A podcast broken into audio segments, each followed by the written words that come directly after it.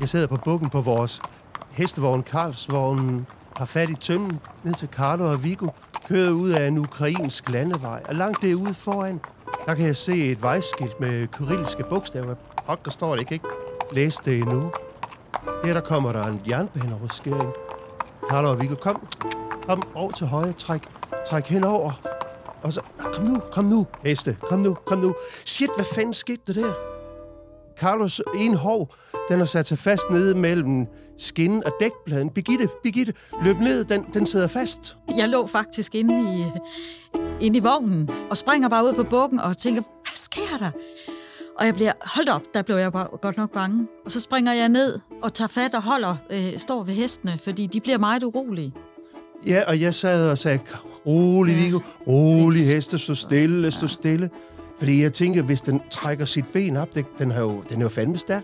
Ja. Så den hest, så måske bliver hoven siddende dernede, og så er turen slut, hesten ja. skal aflives. Og... og du tænkte bare på hesten, og det skulle du også, men jeg tænkte jo lige først mest på børnene og, og vognen, så jeg tænker bare, han siger ikke, vi skal have den øh, koblet af, vognen, så vi i hvert fald får den væk, så vi ikke bliver smadret. Ja, så mens du stod og holdt heste, så spændte jeg vognen af og fik den bakset ja. og skubbet væk. Og, og vi kunne se på de ukrainske folk, der, kom, der stemmede sammen, at om lidt, om lidt kommer der.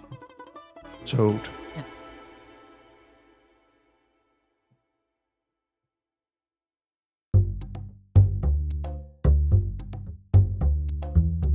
Du lytter til Den Yderste Grænse. Jeg hedder Bjørn Harvi. I denne syvende sæson tager jeg fat i de danske ekspeditioner og store rejser siden 45, der har begejstret mig mest.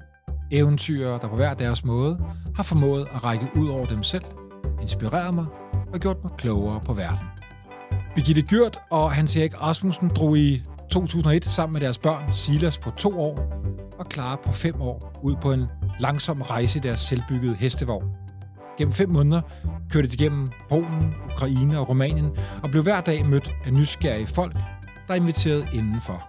Det blev en rejse, der bød på et familieliv under usædvanlige forhold og et smukt og dybt indblik i vores østeuropæiske naboers liv. Velkommen, Birgitte Hans Erik. Tak. Tak skal du have. Birgitte, du er billedkunstner og opbygger af et bofællesskab. Og Hans Erik, du er indehaver af rejsebyrået Rasmussen Travel. Og så er du uddannet psykoterapeut og medlem af Eventyrens Klub, hvor vi kender hinanden fra. Yes. Hans Erik, øh, hvordan i alverden fik I den her idé om at rejse i hestevogn? Jamen, øh, ja, det var inden, da Silas han overhovedet blev født. Der havde vi lejet en sådan prærvogn nede ved Sydfyns prærvognsferie. Øh, og så kan jeg huske, vi kørte der rundt på hyggelige Sydfyn, og sidste aften, så har vi slået lejr nede ved Else Hoved Strand, og vi har tændt bog, eller Birgitte og jeg, vi sidder og hygger os, og lille Klar ligger ved siden af, og øh, det er jo Karlsvogn, den står på stjernehimlen, og vi synes bare, det er bare ultimativ feriehygge, det her.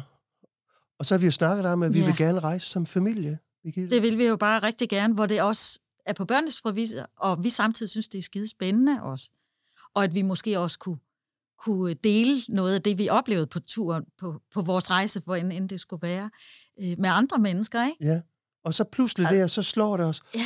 Jamen, vi skal jo bygge vores egen hestevogn, fordi så kan børnene være inde i hestevognen, og rejsen kan gå ja. langsomt med heste foran. Og... Vi havde prøvet at tænke på mange andre ting, men det, det sagde bare klik.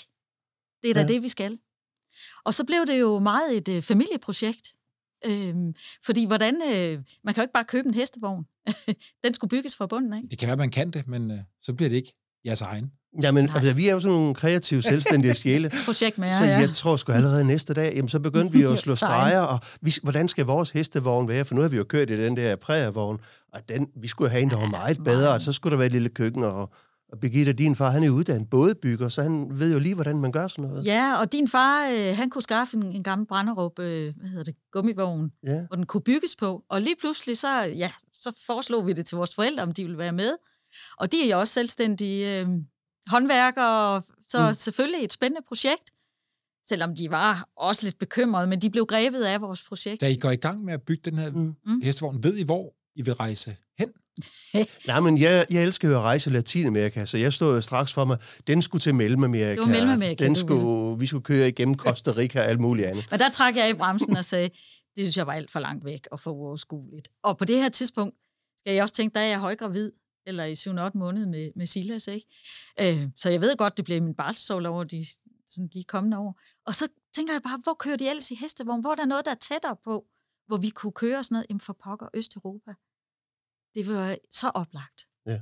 Og den købte du faktisk ret hurtigt også. Jamen, jeg vil også se. gerne køre igennem Østeuropa. Mm. Og så, jamen, det korte lange er, så mødes vi over en, en række weekend over på min fars værksted på Fyn, og så får vi bygget den her hestevogn. Igen med et halvt år eller sådan noget, ja. Ikke? ja.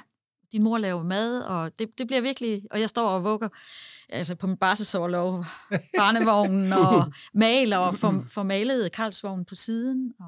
Jeg ved, det er meget vigtigt for jer at, at uh, fortælle alle der lytter med nu, at det er et familieprojekt. Altså, at, uh, at det var noget, som I fik jeres forældre med på osv. Mm. Og det må have været så smukt og skønt at få at få koblet alle sammen sammen på det her projekt. Men det var også noget med, at de var lidt bekymrede ja, for jeres fremtidige rejse. Ja, også selvom de var bekymrede, så blev de fordi de havde sådan lidt, at mafiaen kommer efter jer, og det vil gå grueligt galt, og kan I virkelig byde os det, at vores, øh, og det var de første børnebørn på mm. din forældres side, ikke? Men, øh, men og så det samtidig... blev bragt til skamme. Ja. Udskelov da. Ja, og de kom og besøgte og, os ja, jo. Ja, Birgittes forældre kom og besøgte os i Polen, og mine forældre kom ned og besøgte os nede i Rumænien, og, og kørte med. Begge, hold kørt med en periode, så det, det var super, super godt.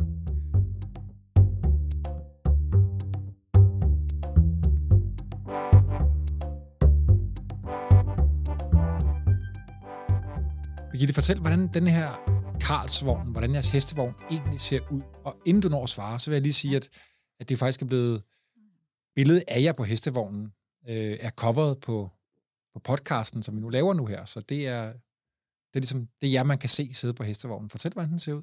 Ja, den er bygget af træ, og den er cirka kun øh, 6 kvadratmeter. Men den er så øh, intensivt indrettet, ligesom en båd. Altså det med skrå vægge ud og et buet tag. Den er blå og med røde kanter. Øh, og ja, hvad tænker du lige? Ja, og så er den selvfølgelig i, sådan i to etager, så vi, øh, vi kunne ligge i en dobbeltseng, og den kunne så laves om ligesom i en campingvogn til et bord og sofa. Og så sov børnene, de havde hver deres værelse. Det var en køje hver og en hylde til deres legetøj. Det var den ene del, og så den anden del, det var lige, hvor man kommer ind, hvor et lille bitte køkken med sådan en vandpumpe med foden, og et lille gasblus. Øh, og så et lille, hvad hedder det, skibstoilet, og fire mm. hylder. Så det gælder om at pakke, ja. pakke småt. Men det var faktisk nok. Og så udenfor, der havde vi jo inde under vognen, den er høj, sådan en hestevogn, ikke? der havde vi jo foder og fodtøj. Og... Den bliver trukket af to heste. Ja. Er det jeres egne?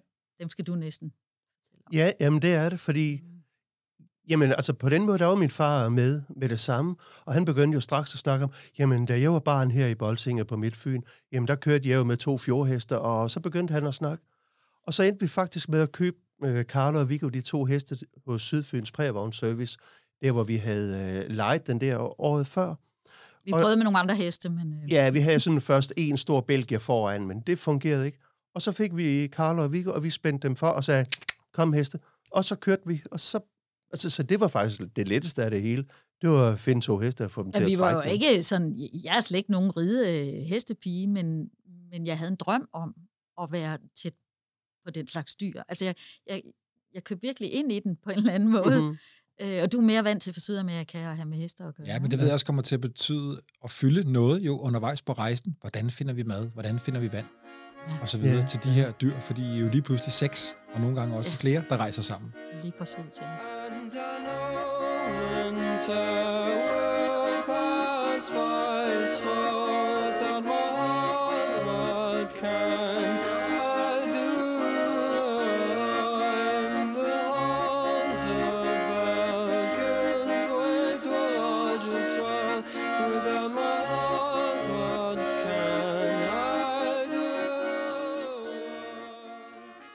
Kommer til Polen, hvor rejsen starter. Mm. Øhm, hvordan kom I derned? Jamen, vi startede over for mine forældres ejendom på Midtfyn. Jeg hyrede en hestetræler, altså en lastbil, så hesten ind i traileren, og Karlsson op på en, en trailer bagved. Og så hoppede vi ellers ind i lastbilen, og så kørte vi afsted til sådan et uh, bed and breakfast lille landsted i det nordøstlige Polen. Og så var vi der en uges tid og riggede det hele an og gjorde klar. Og så var det jo en stort øjeblik, da vi efter en uge der spændte hestene for, så, og sagde, no. kom så heste, og så kørte ud, altså simpelthen tog de første skridt ud af en polsk landevej, og sådan mærkede hjertet sidre lidt ja. der i, lige under halsen, men så efterhånden, efter en times tid kunne mærke, jamen, heste, de skrider jo lige så stille og roligt her, som året før, der havde vi kørt seks ja, uger ned igennem Jylland, en lille prøvetur. Ja. Men det fungerede, ja. Altså, de gik, og vi kom igennem den første lille polske landsby, kunne mærke. Og storkene flankerede øh, landevejen der. Ja. Og den første aften der, hvor vi er inde og spørger en familie, sådan, wow, kan jeg vide? Altså, det var ligesom, det var det første, men ja. de var enormt flinke. Vidste, og... Birgitte, vidste hvor langt I skulle den første Nej, dag? Nej, anede det ikke. Hvordan er vi, den vi planlagt sådan en dag? ud i det blå. Altså, så så vi, hvor længe... Altså, det hele tiden, så er det jo, hvad vores motor kan klare. Altså, Viggo og Carlo, ikke? Og vi kører 5 km i timen, cirka. Wow. Og Silas, han fandt hurtigt ud af at hoppe af. Der er sådan en bagperron. Og så løbe lidt efter, hvor langt tør han lade den køre, og så spæne efter to og et halvt år i hans røde gummistøvler. Ja. Mm. I har jo en, øh, en ung polak med. Hedder han Marcin? Ja, han hed, hed Marcin, ja. ja. Fordi vi, jamen... Altså, det er som tolk, eller så? Ja, der er jo ingen af os, der snakker polsk, så, så vi har fået hyret... Jeg kan ikke helt huske, hvordan vi fik fat i ham, men, men han blev hyret ind, og så var han med de første 5-6 dage. Og så var det ham, der sådan lige gik ind og spurgte en bonde den første aften, må vi slå lejr her bag din lade. Og hvordan reagerer folk, når I så kommer og siger, goddag? Jamen, de stod og sådan og kiggede, hvad hul er det, der kommer kørende der. Uh. Men da de så fik spørgsmål, må vi køre ind på din marker, og må heste stå der? Ja, ja, ja, ja, selvfølgelig må de det. Og vi har to små børn med. Altså, det åbner jo bare alt. Mm. To heste og to små børn. Kan du komme med et eksempel, Birgitte?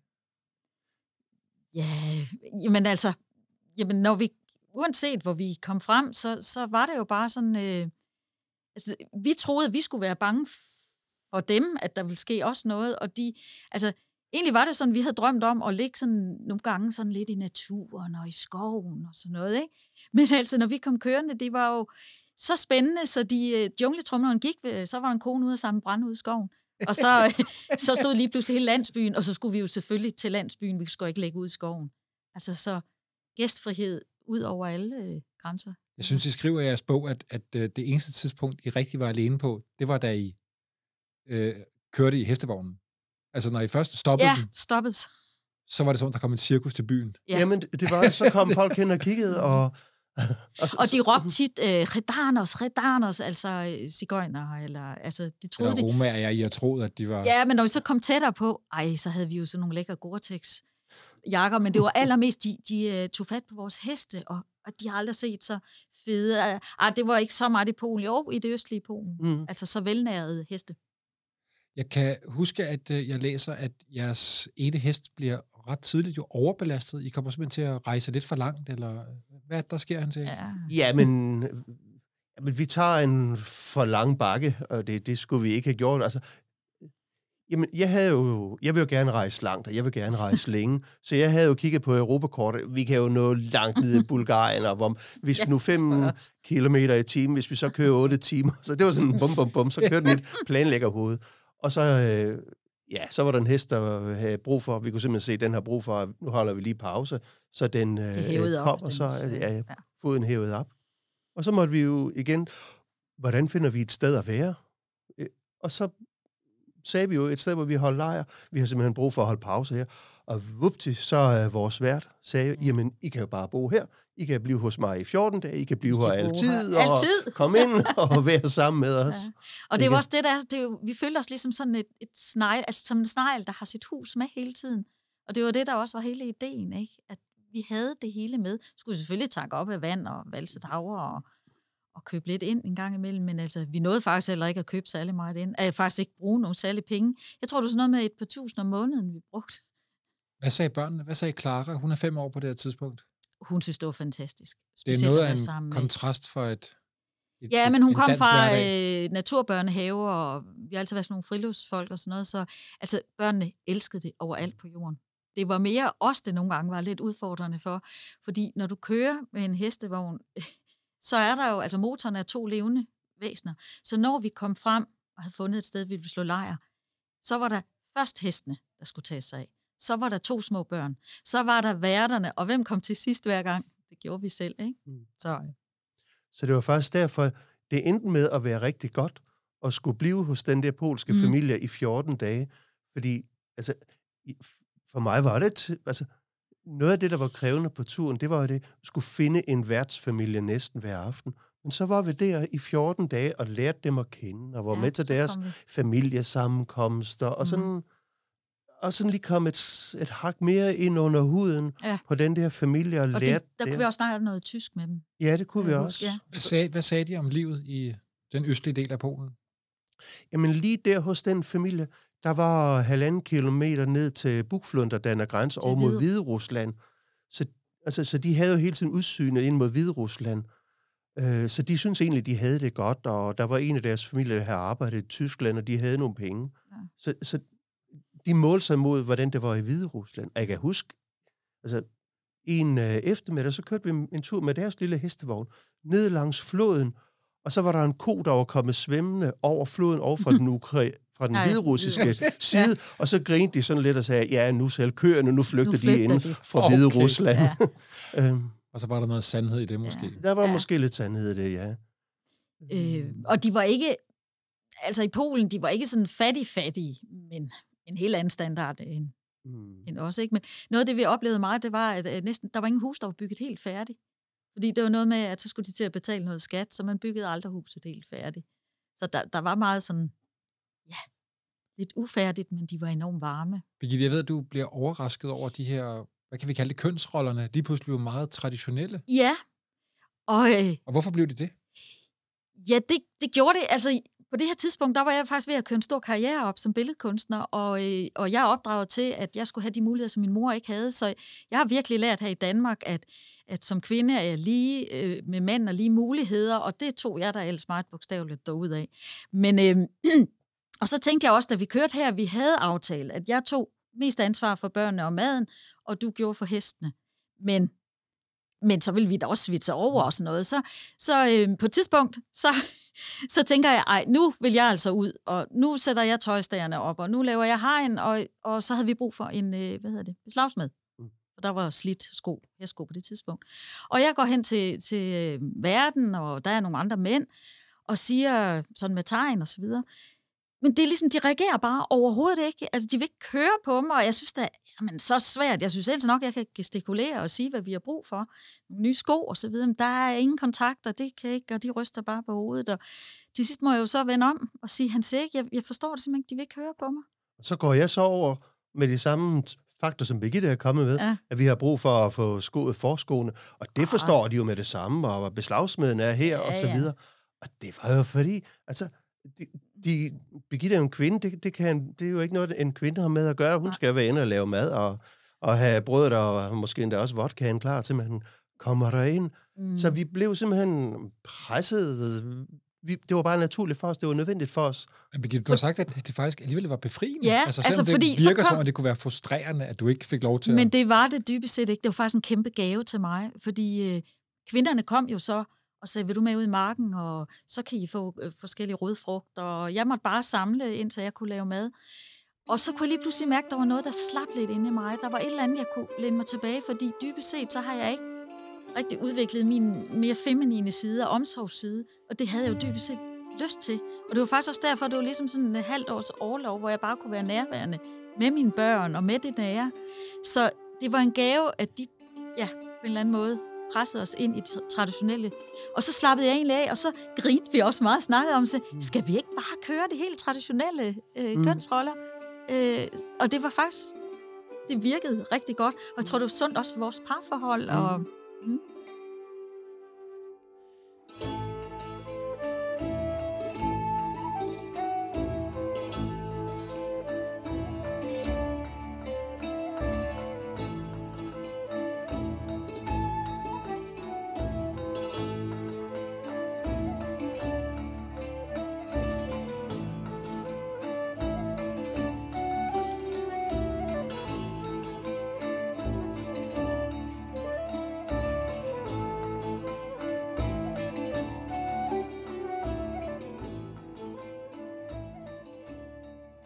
Sker der de 14 dage, hvor I bor hos familien ved, ved Bokfloden? Jamen, øh, der bliver vi blandt andet inviteret til en, øh, en stor høstfest. Øhm, og det er jo bare, og vi klæder os ud, og, eller klæder os pænt på og så videre, og jeg synes at jeg finder Klars pæneste kjole. Og, øh, ja, du har slået op øh, i jeres bog. Ja, det har jeg faktisk, og, og, og her ser vi, hvordan de er i nationaldragten, øh, den lokale øh, øh dragtig fra det område, som man virkelig er på til fester med vest og hvide kjoler. Og klar, hun er i sådan en anden øh, pink bobbelskjole, og så en flistrøje ovenpå. Og, og det, jeg bliver mindre om her, det var, at vi, vi var jo til den fest. Ja, det kan du lige sige, øh, hvad der skete. Jamen, det var sådan hele aften, det var sådan et skuespil, der blev sat op, hvor der sådan blev, øh, hvor hvad skal man sige, stykket, der blev spillet, det var, hvordan en ung pige, hun øh, falder for en fyr, og hvordan han inviterer hende ud, og hvordan de nærmer sig hinanden, og, Vi kunne og hvordan familierne kommer. og, og bagved det, der blev spillet dernede på øh, gulvet der, så var der et stort kvindekor, der mm. sang til, og så så man så, ah, så gik de ind ved siden af ved bryllupsnatten, og så altså, en, øh, en stor fest. Og ja. så kan jeg huske, så var på et andet tidspunkt i løbet af aftenen, så sad vi jo ved bordet, og så kom der en masse mænd fra de forskellige familier hen, og fordi de laver jo alle sammen vodka, og Nå, laver ja, deres egen hjemmebrændte vodka ja. med tilsat det ene og det andet og det tredje. Og vi skulle smage det hele. Ja, så vi, kan sige, vi, vi skulle jo smage det hele, fordi vi var de der udfrakommende, uvildige dommer, så vi måtte ja, jo smage på et glas eller to af samtlige ja. familiers vodka, for nu at udråbe en vinder. Og det var jo lidt oh, nok. Svær balancegang. Svær balance. Men vi havde jo kun måske 300-400 meter hjem, så ja. vi kunne godt dalle hjem. Men det jeg lige vil sige for det billede der, så ja. der, hen på aftenen, så kommer alle de her piger i deres fine nationaldragter med klar i hånden og siger, værsgo, øh, og leverer hende tilbage, for hun er simpelthen for vild. Altså, hun er ikke sød og pæn og nyselig pige. Altså, hun vil alt det, som drengene vil, og mm. det, det var alligevel for, for vildt. det blev en for stor mundfuld. Ja. Men Clara ville rigtig gerne, og så Silas, ja. han er sådan en tilbageholdende dreng, som han vil godt være lidt ved sig selv.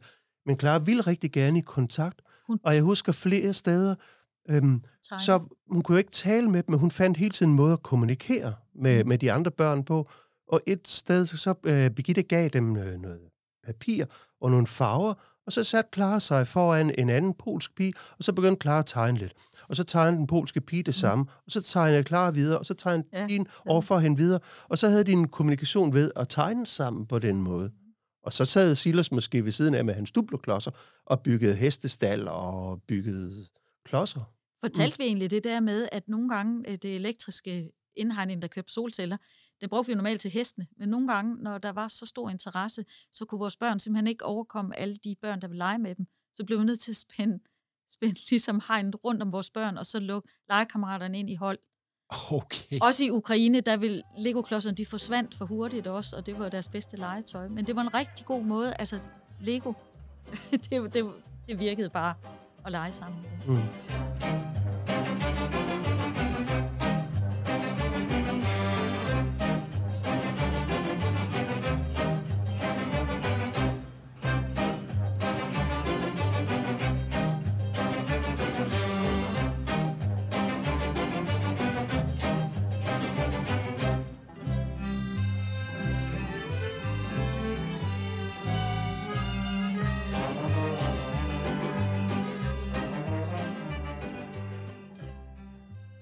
Bor hos familien i 14 dage. Hestene kommer sig. Ja. Og I er på landevejen igen. Ja. Jamen, vi er på landevejen igen, og vi, ja, det, som Birgitte siger, vi er meget tæt på den, den øh, nordligste grænseovergang ind til Ukraine. Og jamen, der har vi jo på det tidspunkt kørt to og en halv måned i Polen, og har fundet, det kan godt lade sig gøre. Og så har polakkerne jo selvfølgelig, da de hører, at vi skal ind i Ukraine, jamen lad være med det, fordi de drikker vodka, og det er farligt. Og bum, bum, bum, så kører historierne igen. Men, altså, Men i Danmark blev vi advaret mod polakkerne. Ja. De det, må, vil være. det er en god klassiker. Den tror ja, jeg, vi den. alle sammen har mødt derude. Ikke? Ja. Uha, der er farligt næste sted. Ja. Jamen, så kører vi så hen mod grænseovergangen, og der holder jo 3-4 kilometer af lastbiler, der venter på at blive fortollet ind i Ukraine. Og vi lægger os ud af overhældingsbanen og kører ned, og det, jeg når ikke at komme ned af bukken, og så er vi bum, bum, bum, så er vi ude af Polen, kører hen over... vi sviner jo også med hestepærer. Og, ja, ja, så, altså de så, og så kommer vi over på den ukrainske side, og der siger de jo, ja, vi kan ikke komme ind, og nå, jamen, så kan jeg huske, så står vi der og holder der med, med Karlsvognen en times tid, og det er den der grænsedyrlæge, der siger, og peger tilbage ja, mod Polen. Hold op, der blev vi svedt. Så, så holder vi det en time, og vi holder to timer, og så hestene, når de sådan har holdt pause, så spreder de jo lidt benene, og så, så pisser de jo ud på det der asfaltareal, der skråner lidt, og det der gule varme hestepest, det løber ned under nogle biler, hvor der er andre betjente, der står og undersøger dem, og så bliver de jo irriteret over, at vi holder der. Og så kan de godt sige, nej, vi skal væk derfra. Så kører videre afsted ind i Ukraine mere. Og så er vi i Ukraine, og så ja, fortsætter vi.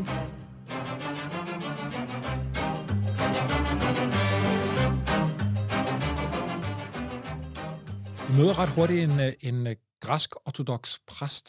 Ja. Hvor, og undskyld, men hvorfor er han græsk-ortodox? Jeg troede, de bare var Med syv russisk ortodoxe.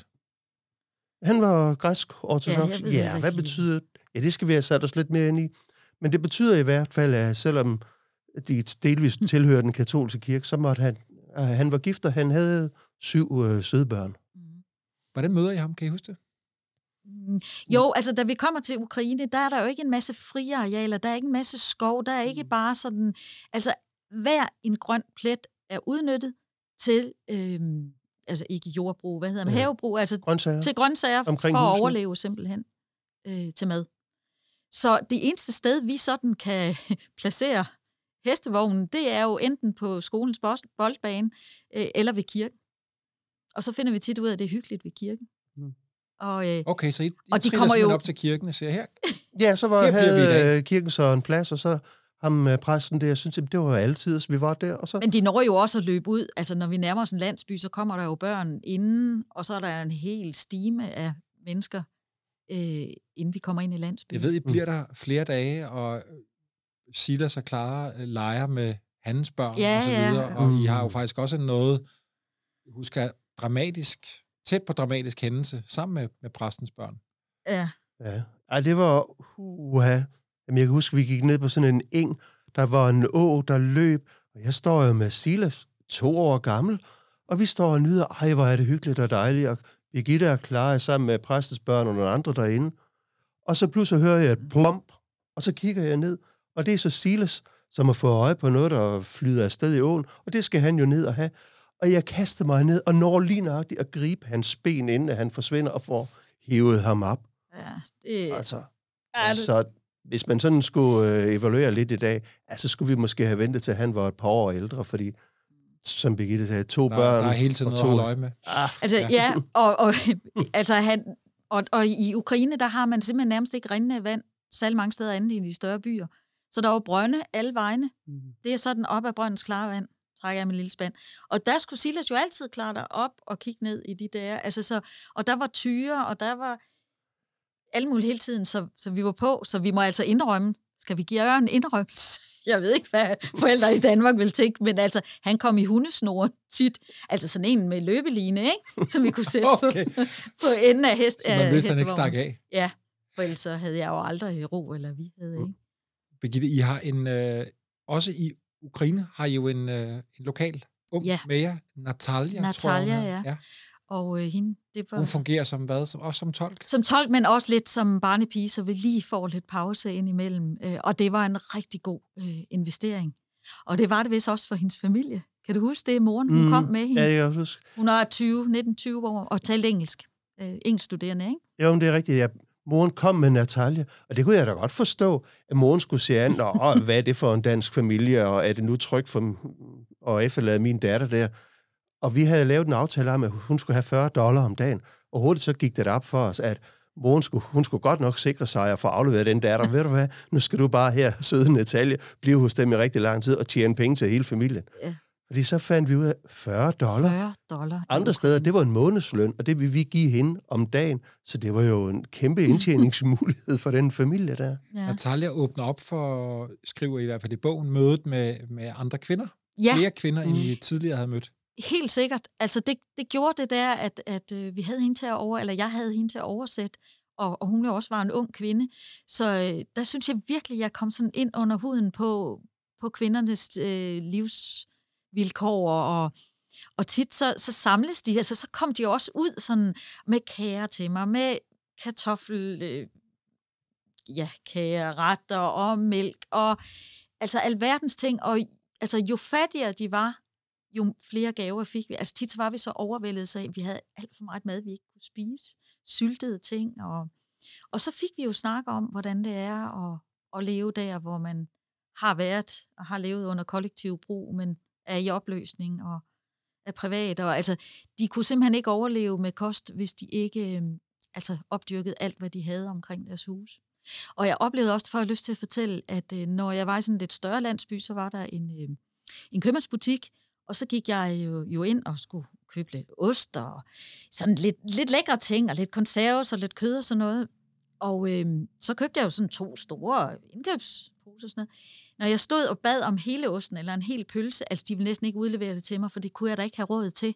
Altså, jo, jeg skulle både have det og det, og jeg skulle have yoghurt, og jeg skulle... Og de var jo målløse, når jeg gik ud med tre indkøbsposer.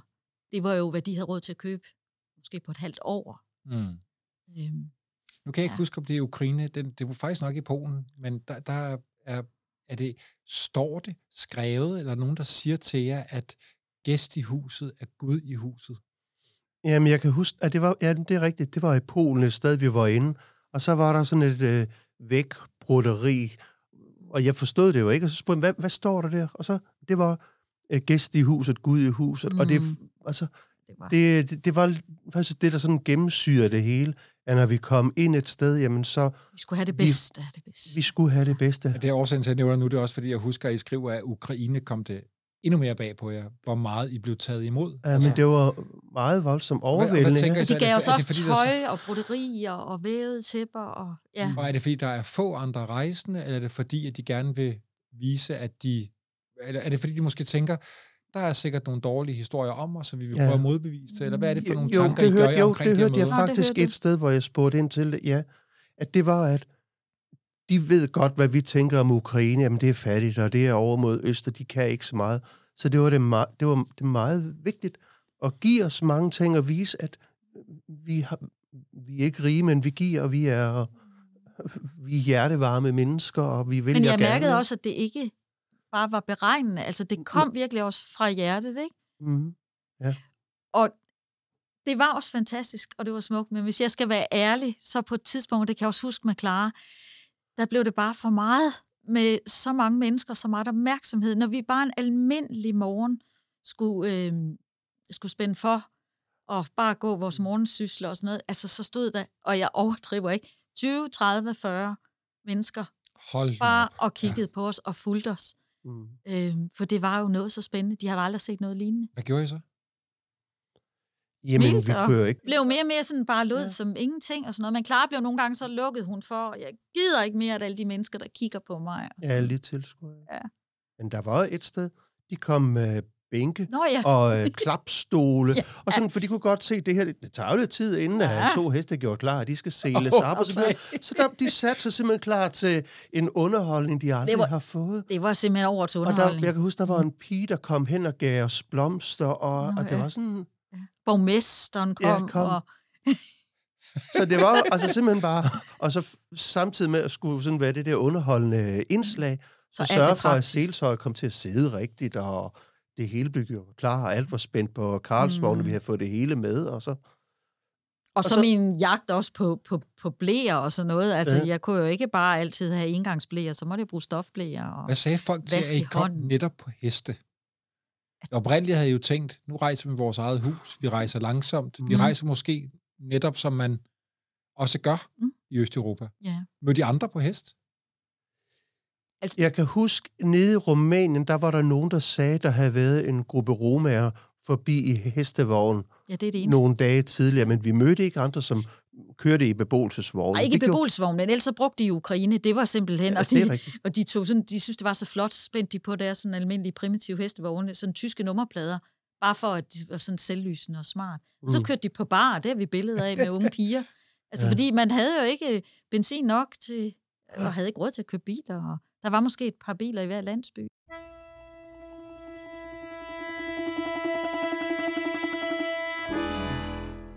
Vi skal tilbage til den der dramatiske oh, ja. start, vi startede med, og som jeg også husker måske, ja. er det værst tænkelige, der egentlig sker ja. på jeres tur, at ja. en hestehov sidder fast. Det er rigtigt. Det var der, hvor vi tænkte, nu kan nu det gå galt. Rejsen, nu... Altså, det er på landevejen i Ukraine. det var en uh, landevej inde midt i Ukraine, ja. Og Birgitte står nede foran Jernbaneskinnerne krydser vejen. Mm. Jernbaneskinnerne krydser vejen. Og den bliver lidt bange, ikke? Så går den... Ja, det, Carlo, eller... Nej, det var Carlo. Carlos ja. en højre forben sidder fast dernede mellem skinnen og den der plade. og så kan jeg se måske et par meter længere tilbage. Det er ligesom, der er lidt større afstand mellem skinnen og den der jernplade. Og så vil jeg så prøve at få den... Jeg får, Birgitte kommer med, hvad hedder det, vores hammer, vi har til tøjerstaden. Og så får jeg så banket på hestens hov.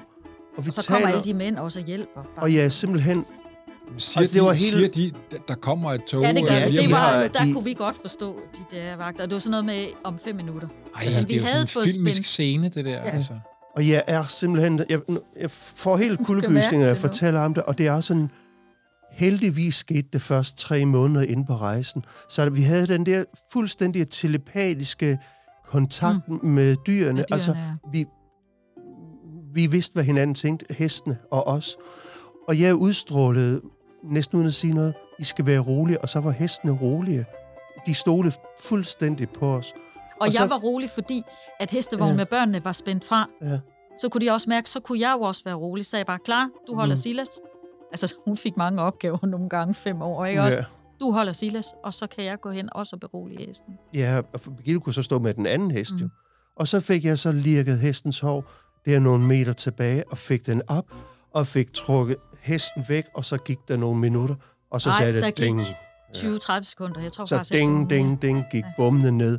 Og så kan jeg huske, så kom der sådan tre store mm. lokomotiver nej, og et nej, godstog nej. så langt, og mm. Ulrede forbi, og vi stod bare der, og vi kunne slet der var køre mere. en højere magt, nogen ja. omkring os, som det. skulle ud og vise os, livet kan gå galt, men I er bort. Altså, det var virkelig... Ja. Og så sad vi resten af dagen og kiggede ud over markerne og skulle finde ro. Mm. Hold nu op. Men så tror jeg faktisk, vi gjorde lidt, som, som dyr også gør. For, fordi vi var jo midt i det hele. Vi kunne jo ikke sidde i den der og blive bange. Så ligesom ryste, ryste mm. det af os. Altså på en eller anden måde, det kan jeg huske. Op på hesten. Kropsligt, op på hesten og videre. igen. Og videre. ja. ja. Og vi ja. kunne også godt, øh, ja, op på hesten, vi kunne godt sætte børnene op, selvom den kørte og havde seltøj, eller hesten havde seltøj på. Vi kunne godt sætte Clara op og mm. mens vi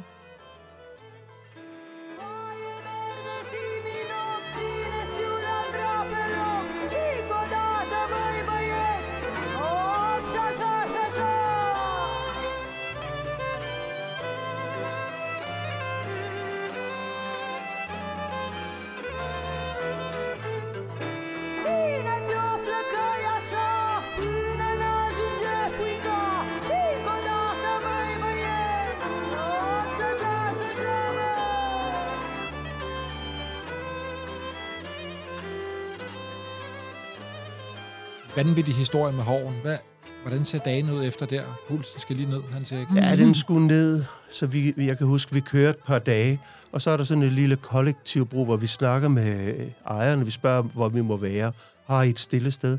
Og så siger han, jamen hvis I kører ned ad den der lille grusvej, så har vi et hus dernede, der bor ikke nogen, og der er et hegn omkring.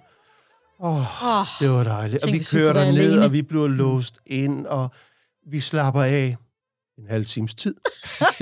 så kommer der en minibus kørende, ja. fordi lidt længere oppe, der er en sø, og det havde vi godt nok set, der var nogle bord og bænk og mm-hmm. et lille bålsted, og så kommer der en minibus kørende og stopper, og stopper alligevel ikke, for de kan se, hvad det er, en eller anden mystisk hestevogn, der holder lidt længere ned, og de kører ned til det hegn og stopper, og så springer der en 12-13 mænd ud, hvor øh, vi finder senere ud af, at de syv af dem, de hedder Ivan, ja. og de står og kigger, og så må vi åbne hegnet og begynde at snakke. Og det er så op for det lokale elværk. De har en firmaudflugt ned til den der... De syv Ivanders fest ja, er der der. Ja. Og så tænker vi... Jamen, det er noget, I døber den. Ja, det døber vi. Okay, Nej, ja. ja, det kan jeg ikke huske. Nå. Nå. Men, men så tænker vi, jamen ved du hvad, måske kunne vi også trænge til sådan en, en fest, og måske også øh, hjælpe dem med at drikke alt det her vodka, som bliver skænket i sådan nogle øh, hvide plastik hus, ikke? Stor gram. Stor... 100 gram. ja, du, jeg kender den. Og, øh, og det blev faktisk øh, hyggeligt. Øh, og øh, ja, de kom i festlig lag, og det gjorde vi vel også. Og så på et tidspunkt, så øh, ligger de i hvert fald anden. Natalia er jo sammen med os der. Og så ligger den ene... Øh, anden det er faktisk hende, lederen af det ja, der hele lederen. firmaet. Ja. Og der spørger vi hende, er det noget, du vil gå, gå med? Og det, det overvejer hun lidt, fordi så er hendes fremtid sikret, hvis hun øh, får en kæreste og bliver gift med en ledende. Så de sidder jo ved siden af hinanden, og det er så sødt at se. Og så aften skrider frem, og så mm. kommer lidt mere vodka. Og så kan jeg se, der er en af de der Ivaner, ja. som sætter sig hen ved siden af Birgitte, og, og synes, hun er en attraktiv kvinde. Mm. Og det, det synes jeg jo også, altså. Det er jo derfor, jeg er gift med Birgitte. Og øh, han skåler med hende og rykker endnu tættere på. Og så kan jeg godt se, at han lægger en arm omkring Birgitte, og så, ah, hvad, hvad er det lige, der sker der? Og så kan jeg så se, at nogle af de andre mænd også kigger ja. og synes, ah, nu er han måske ved at gå lidt for tæt på. Og han læner sig helt opad. Og jeg tænker, hvad, hvad skal jeg lige gøre? Men så er der nogle af de andre. De tager færre. De er fem Ivaner. Så rejser de sig, og så tager de fat. Jeg har kravtøjet på ham, den her mand. Og så går de hen til minibussen og åbner det der øh, magasin ned under sædet, bagagerum, og så basker de ham ind i bagagerum, og klok, så lukker klok. de klappen der igen. Og så kan han simpelthen lære det, kan Og så kommer de tilbage. Så er festen slut for ham. I hvert fald for ham. Fordi gæsterne er Gud. Ja. Altså, ja. Og så da de kører hjem ude på aften, så kommer han ud og lige så slukket, og går han op og sætter sig på sit sæde. Og hvad med den kære Natalia? Jamen, ja. Øh, ja, det ved vi faktisk. Det ved vi faktisk ikke. Ikke nej. om der blev mere. Hun var nej. ikke så... Øh, efter hun havde tjent pengene ved os, så, så øh, hørte vi ikke så meget øh, mm. mere fra hende. Men øh, vi synes, vi hørte meget og lærte meget, mens vi var sammen med hende, men ude af øje, ude af scenen. Ja. De syv Ivaners fest. Ja. Det er sådan, man rigtig gerne er med til. og vi kunne jo blive ved, fordi Natalia jo så på et tidspunkt, så sagde vi, at du er også på arbejde, tager du børnene og går hjem. Mm. Går hjem, ja, på de seks kvadratmeter. If I was young, I'd flee this town. I buried my dreams. As did I, we drink to die, we drink tonight.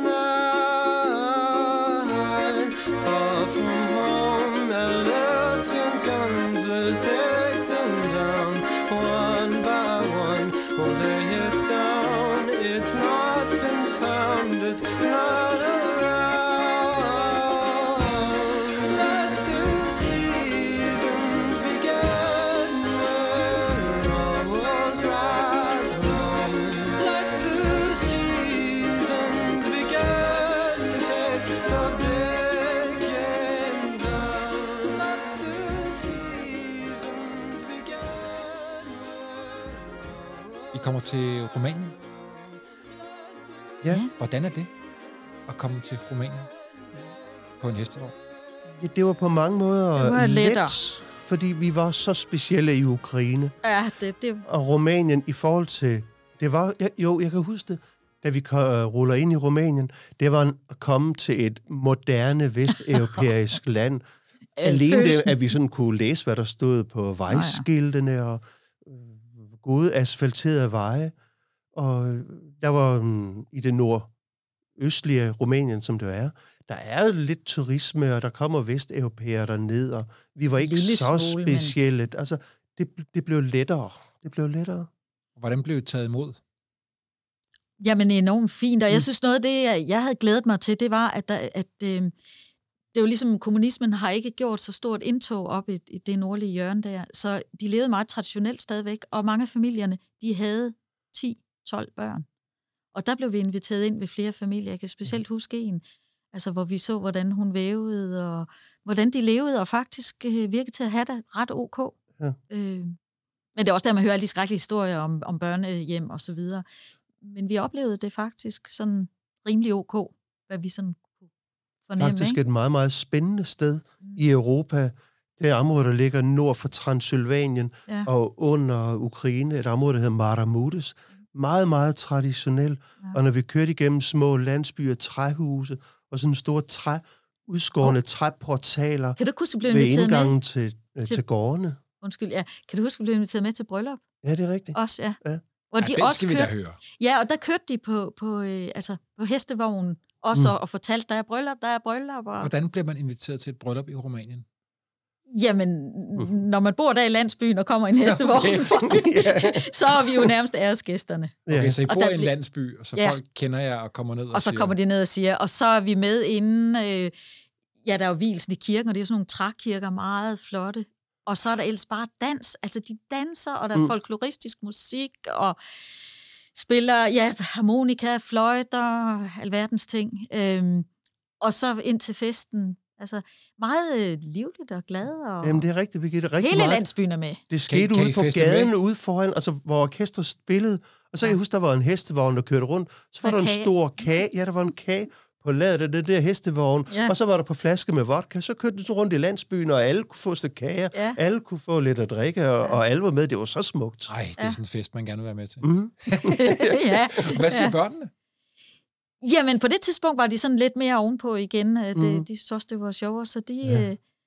De, ja, og jeg kan huske, at så fik, de jo, fik vi gaver, og så fik de sådan traditionelle skjorter på med broderier, så de også var lidt fine, fordi generelt var vi jo ikke så, altså og jeg, ikke så feminin, og så de synes nogle gange, så spurgte jeg, om hun var en dreng, og jeg var også kortklippet og sådan noget. Så jeg lærte faktisk det der med at få købt sådan en øh, spindlerne kjole og tørklæde ned omkring hagen, og Clara fik nogle fine lyserøde kjoler, så vi ligesom, ja, Blendet lidt ind. jeg blandede lidt ind, og, og det var også en respekt for deres kultur. Det var ligesom forkert, at vi, øh, og, og det åbnede op også noget inde i mig til en mere feminin side.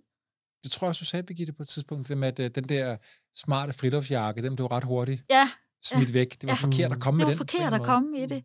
Og også når det er så langsomt over så lang tid, vi er der, så mængler man simpelthen ind i kulturen. Hvordan gik det med hestene? Altså, de havde jo haft problemer der i starten, og overbelastninger og så videre. Vi skal fortælle, hvordan vi simpelthen kom over de Jamen, høje det pas. gik godt. Altså, det var ligesom Ja. efter Ja, for nu, tre nu, måneder, nu kommer så... bjergene også lige pludselig. Og de er i god form på det her tidspunkt. Ja, de er i god form, og de bliver beundret. de kører igennem flere byer, hvor der, altså der, er- det er ikke løgn, når jeg siger, der var måske på hver side af Karlsvogn, så var der 3-4 cm til de biler, der holdt parkeret i nogle rumænske byer. Men altså, det jo igen den der fine, fine ja. føling mellem os og hestene, og det, det, det blev let, det blev meget let øh, den sidste halvanden måned nede i Rumænien. Men bjergen, der var jo et pas, der var alt for stejlt. Ja, der havde vi jo lært, at alt kan lade sig gøre. Jeg Og vil så, bare lige sige, inden vi skal hen over Karpaterne, så Mm. synes jeg, at vi lige skal nævne, at I får faktisk besøg. Ja. Er det ikke sådan? Af Jo. din, jo, af Jo. din Af en af dine gode gamle venner. ven fra Ja, ja. Og jeg ved godt, I har jo også haft besøg af familien Ja, ja. undervejs, Ja. i Polen er jeres Ja. forældre kommet ned og besøgt jer. Og ja, min videre. rigtig gode ven Ricardo ned fra den argentinske Pampa, han kommer op, og han er dansk argentiner, og han er i Danmark nogle måneder, og så kommer han ned og besøger os. Og, så det er jo lidt ligesom, når sådan en langtursejl, de har gaster med ombord, så var Ricardo så gast en uges Og tid. det var en lettelse, jeg kan huske. Jeg var også træt. Jeg var træt indimellem, fordi... Og det var nok også meget det der gæstfri. Det var måske en... Det var ikke det hverdagslivet med børnene og hestene. Det, det var dejligt. Det var det, jeg gerne ville. Men det var faktisk... Vi er jo nysgerrige for de kulturer, vi rejste igennem, men vi, vi var hele tiden på.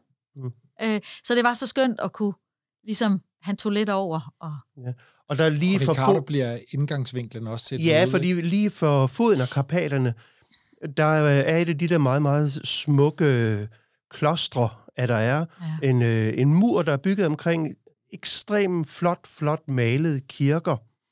Og øh, Ricardo, ja, han har gået i en øh, nonneskole nede på Pampaen på et tidspunkt, så han, Ja, selvfølgelig. han fik sig straks charmet ind hos den øh, ledende nonne i det der kloster. De- Og vi snakkede om. Karpaterne og øh, en stejl zigzagvej og Karlsvogne, bum, bum, bum. Så han fik arrangeret, at øh, der var en nonne, der kom med klosterets traktor, og så hævde hun op i kjortlen, og banden stod omkring og spændte Karlsvognen efter. Og så sad han så på bukken, og nonnen med sin masse Ferguson traktor bukserede Karlsvognen op på toppen af Karpaterbjergenes Ja. første høje pas. pas. Og- Og så kunne vi jo... Øh, altså, så kunne vi jo ride på Viggo og Carlo, og det var så skønt nogle gange mm. at kunne ride, men hvis vi ikke havde Natalia, hun var der jo ikke, og og her var hun jo stemplet ud i Ukraine, og i Rumænien havde vi ikke nogen tolk med.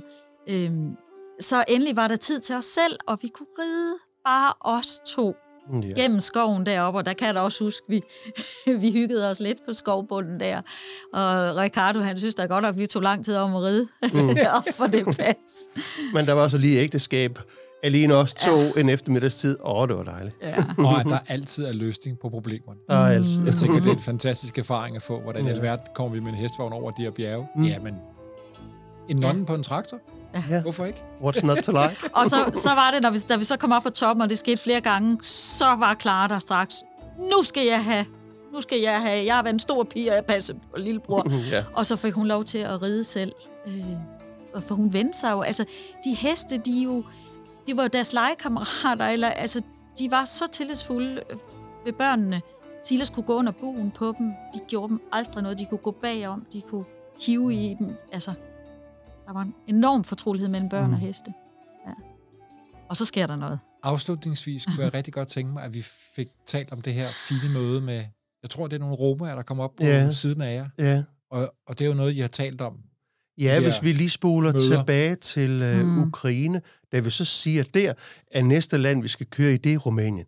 Jamen, oh. der er romaer, og de stjæler, og så bliver vi jo igen advaret. Altså, de farlige, de er jo altid, de er jo ikke her, hvor vi er. Vi er jo gode, Ej, men gode. det er dem, der er et andet sted.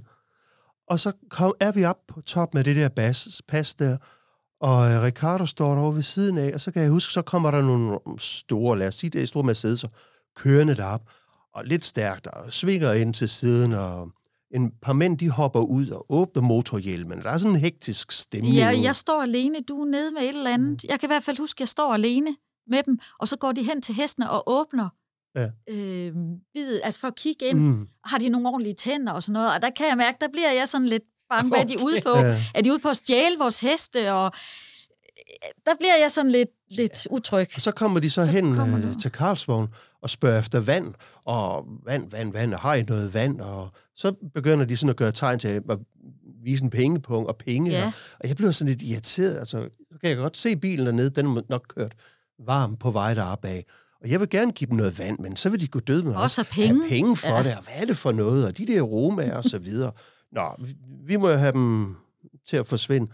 Og så giver jeg dem en spand vand, og de spørger stadigvæk om penge. Og da jeg så ikke svarer, så bliver den ene mand sådan, sådan lidt småirriteret, og så tager han sin pung, og så tæller han nogle sædler op, og stikker mig dem i hånden, altså så han kan få betalt for det for der det vand.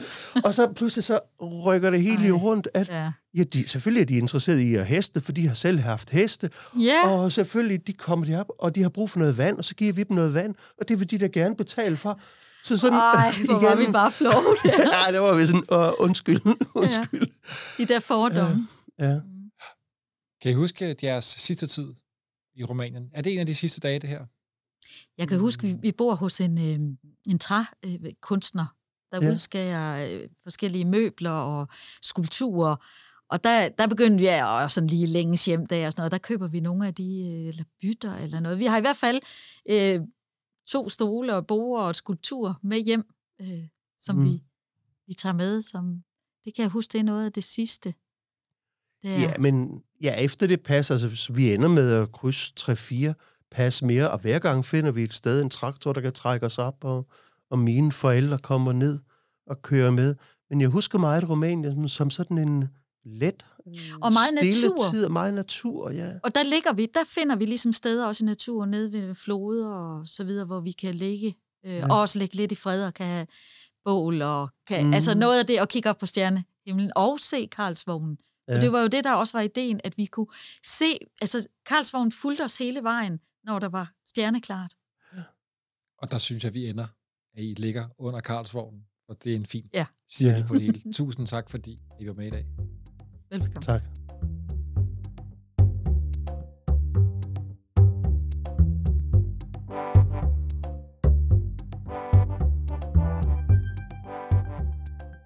Yderste grænse er produceret af kontor Jule Brunse for Vores Tid og 24-7, med Bjørn van Overim som sikker kaptajn på lyden.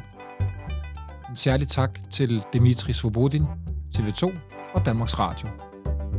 Find serien på vorestid.dk eller der, hvor du normalt finder dine podcasts.